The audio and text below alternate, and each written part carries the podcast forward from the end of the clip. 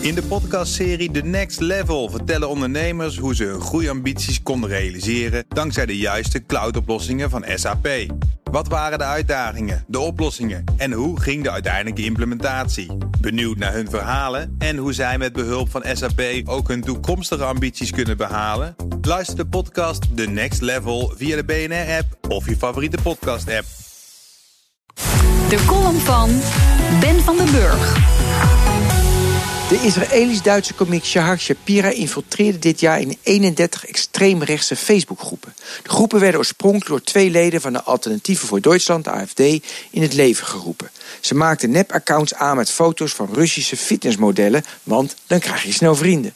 Bots verspreidden vervolgens extreemrechts gedachtegoed met nieuws en nepnieuws en lieten zo de accounts groeien. Bij het maximale van 5000 vrienden op Facebook maakten ze pagina's als Homeland Love aan. De botjes zorgden voor verdere groei van de pagina's en Shapira zorgde dat hij actief mee ging doen. Hij papte aan met de AFD-leden en werd uiteindelijk moderator van de pagina's. En toen sloeg hij toe. Op 3 september dit jaar plaatste Shapira een video waarin hij de leden uitlegt dat botjes de pagina's vullen, gecontroleerd door extreme rechtse AFD-leden.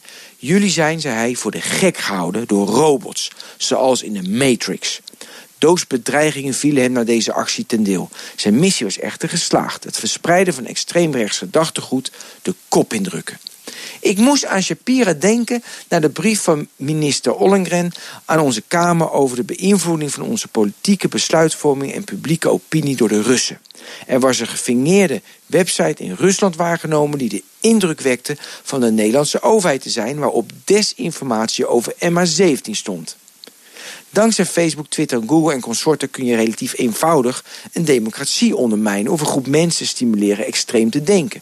Zo kochten Russen voor 100.000 dollar advertentieruimte in bij Facebook voor de Amerikaanse verkiezingen vorig jaar. De advertenties linkten naar 470 verschillende nepaccounts en pagina's. Hoewel deze accounts volgens de Russen niet fake waren, want ze dienden een doel: Hillary Clinton niet laten winnen. Ollengren denkt aan maatregelen tegen ongewenste beïnvloeding door gebruikers media bewust te maken en door te eisen dat techbedrijven hun verantwoordelijkheid nemen. Dat ligt best gecompliceerd. Veel mensen zullen nooit media bewust worden. Ze klikken liever op Russische fitnessmodellen die Poetin aanbidden.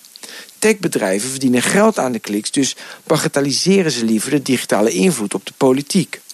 Er is echter geen padstelling. Shapira maakt een video. Ik geef een ander voorbeeld. Twee 20-jarige jongens schreven een programmaatje waarmee je Twitterbots detecteert en nepberichten uit je tijdslijn filtert.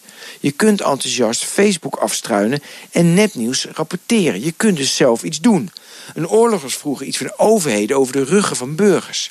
Bij de huidige cyberwar kun je als burger meer dan ooit het recht in eigen hand nemen en ongewenste invloed uit je leven bannen.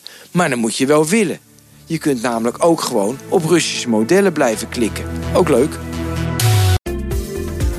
In de podcastserie The Next Level vertellen ondernemers hoe ze hun groeiambities konden realiseren dankzij de juiste cloudoplossingen van SAP. Wat waren de uitdagingen, de oplossingen en hoe ging de uiteindelijke implementatie? Benieuwd naar hun verhalen en hoe zij met behulp van SAP ook hun toekomstige ambities kunnen behalen? Luister de podcast The Next Level via de BNR-app of je favoriete podcast-app.